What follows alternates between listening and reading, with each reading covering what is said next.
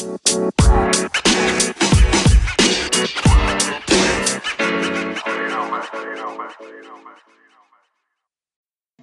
semuanya, kali ini kita akan membahas mengenai diskriminatif dan generatif model.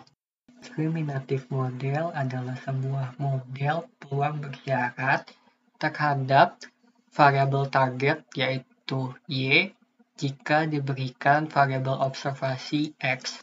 Lalu, model ini fokus untuk mempelajari decision boundary yang bisa memisahkan antar satu kelas dengan kelas yang lainnya di dalam sebuah dataset.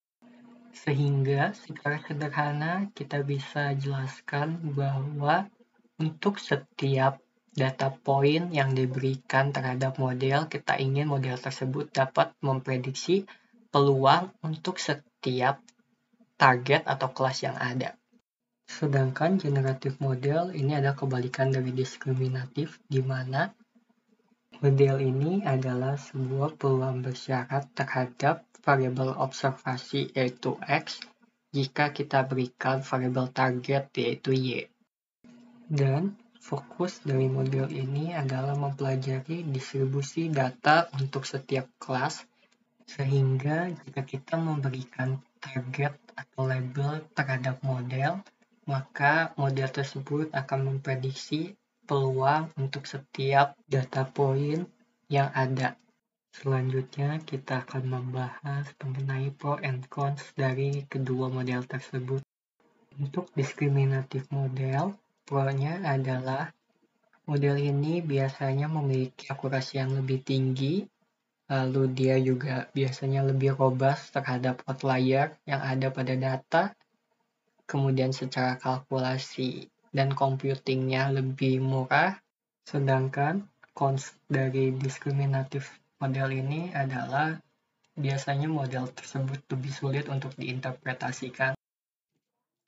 Lalu, untuk generatif model sendiri, pro-nya adalah Model ini memperhitungkan seluruh data dalam pembuatan model, tapi tentu juga itu berakibat kepada processingnya yang lebih lambat.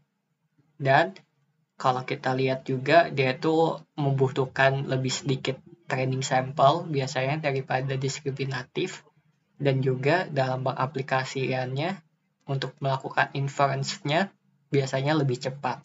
Sedangkan cons-nya adalah Model generatif ini sangat mahal dari segi komputasinya karena menggunakan seluruh data point yang ada untuk pemodelannya serta memiliki akurasi atau performance yang lebih rendah dibandingkan dengan diskriminatif model.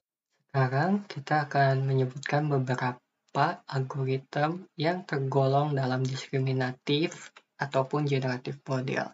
Yang pertama untuk diskriminatif model, contohnya ada seperti logistic regression, ada support vector machine, ada decision tree, dan ada random forest. Sedangkan contoh algoritma dari generative model adalah naive Bayes, lalu ada hidden Markov model, dan juga linear discriminant analysis. Sekian penjelasan mengenai diskriminatif dan generatif model pada episode kali ini.